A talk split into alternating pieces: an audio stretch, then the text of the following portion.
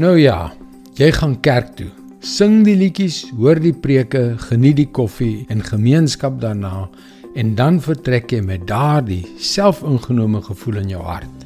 Maar maandagooggend gaan jy werk toe en byt iemand se kop af omdat hulle jou kwaad gemaak het. Hoekom is dit? Hallo, ek is Jockey Gouchee vir Bernie Diamond en welkom weer by Fas. Wag nou, moet my nie verkeerd verstaan nie, ek oordeel nie. Maar wat doen ons? Ons luister ewe preets na wat God uit sy woord sê.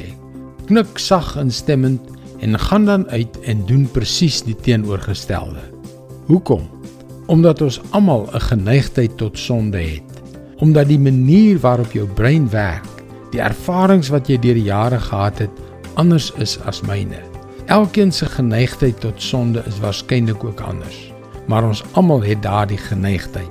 En die gevaar is dat ons gewoond raak daaraan dat daar 'n verskil tussen ons geloof en ons gedrag is.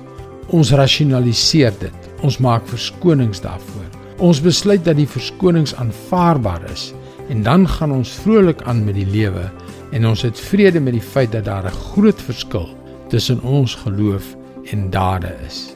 Al die tyd kyk God van die hemelse balkon af skud sy kop, voel die pyn in sy hart omdat hy weet dat ons sonde gevolge gaan hê en begeer om ons van ons sonde vry te maak.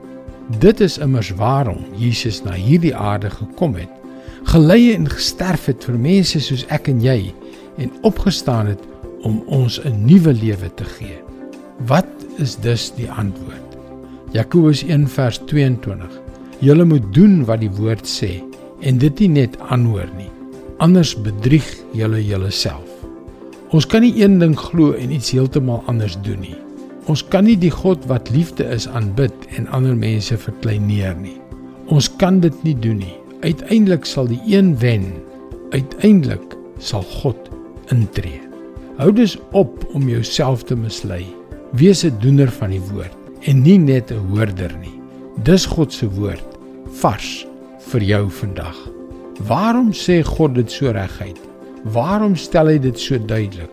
Omdat hy ons met sy groot en magtige Vaderhart baie liewer het as selfs die beste pa op hierdie planeet ons sou kon hê. Jy kan ook daagliks boodskappe soos hierdie per e-pos ontvang. Gaan na ons webwerf varsvandag.co.za en teken in. Luister weer môre na jou gunstelingstasie vir nog 'n boodskap van Bernie Diamond. Seënwense en mooi loop.